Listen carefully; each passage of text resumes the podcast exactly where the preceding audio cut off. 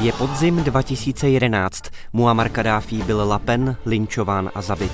U mrtvoli se fotí jeho nepřátelé. Stabilní diktátorský režim se hroutí. Od té doby zažívá Libie chaos a nestabilitu.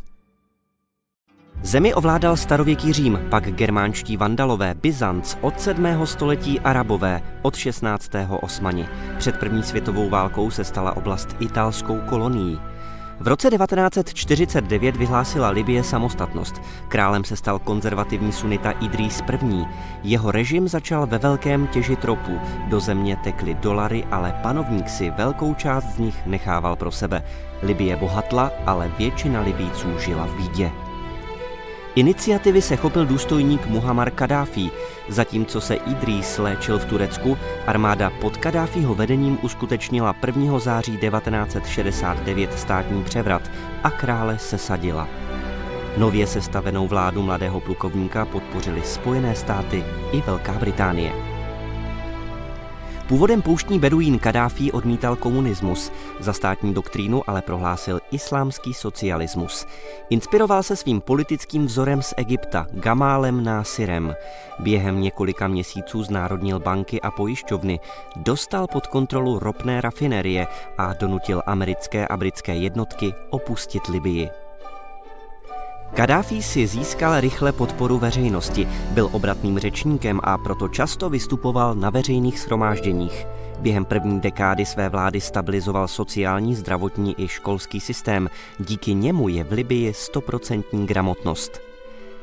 Na pozadí změn ale začala Libii prorůstat mocenská chobotnice Kadáfího rodiny a blízkých spolupracovníků. Vystupoval i jako ideolog.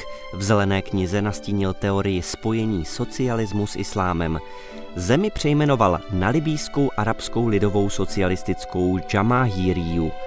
Jamahiriya je v překladu vláda lidových mas, kdy neexistují politické strany a stát je řízený pomocí místních islámských rad. Libie udržovala dobré vztahy se Sovětským svazem i s Československem, které Kadáfímu pomáhalo vyzbrojit armádu a dodávalo mu výbušninu Semtex. Tu ale jeho režim nepoužíval pouze k civilním účelům. Kadáfi podporoval známé teroristické organizace, včetně Irské republikánské armády, radikálních islamistů nebo černých panterů ve Spojených státech. Podle informací východoněmecké štásy byla Libie odpovědná za bombový útok na diskotéku La Belle v západním Berlíně v roce 1986. V prosinci 1988 schválil diktátor bombový útok na letadlo Penem, při kterém zemřelo 189 lidí. Boeing se zřítil na skotské město Lockerbie. Mělo jít o odvetu za americké bombardování Tripolisu a Bengází z roku 1986. To nařídil americký prezident Reagan jako trest za výbuch na berlínské diskotéce.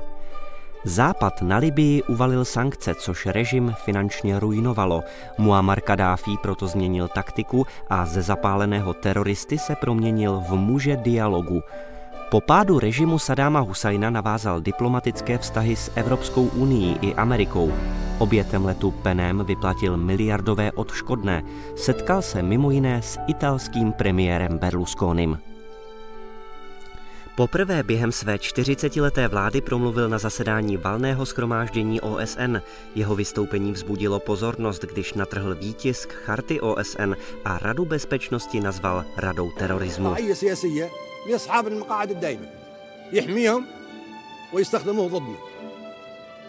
وبالتالي لا يسمى مجلس امن مجلس رعب Pozornost veřejnosti vzbudil i tím, že si během svého pobytu v New Yorku postavil svůj proslulý beduínský stan na pozemku Donalda Trumpa.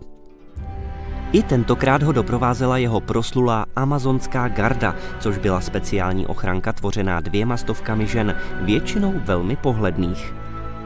Kadáfího režim smetlo arabské jaro a následné spojenecké bombardování.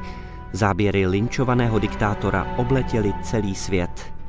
Několik měsíců předtím západní politici Kadáfího objímali, pak ho však odmítli podpořit. Na to tehdy upozornil i český prezident Václav Klaus. Když jsem viděl, jak velmi přátelsky se vůči panu Kadáfimu chovali někteří prezidenti a premiéři západní Evropy, Tak Ale... to já myslím, že teď budou mít problém. Světové státníky zabití libijského vůdce nechalo chladnými. Snad jen šéfka americké diplomacie Hillary Clintonová zvedla mírně obočí. Wow. Od té doby zažívá Libye období chaosu a násilí. Jednotlivé kmeny mají pod kontrolou rozsáhlé části země a centrální vláda nemá situaci pod kontrolou. I proto proudí z Libie do Evropy, ale i do sousedního Tuniska tisíce migrantů. Tunisko kvůli tomu zahájilo výstavbu plotu, který má hranice z Libie neprodyšně uzavřít.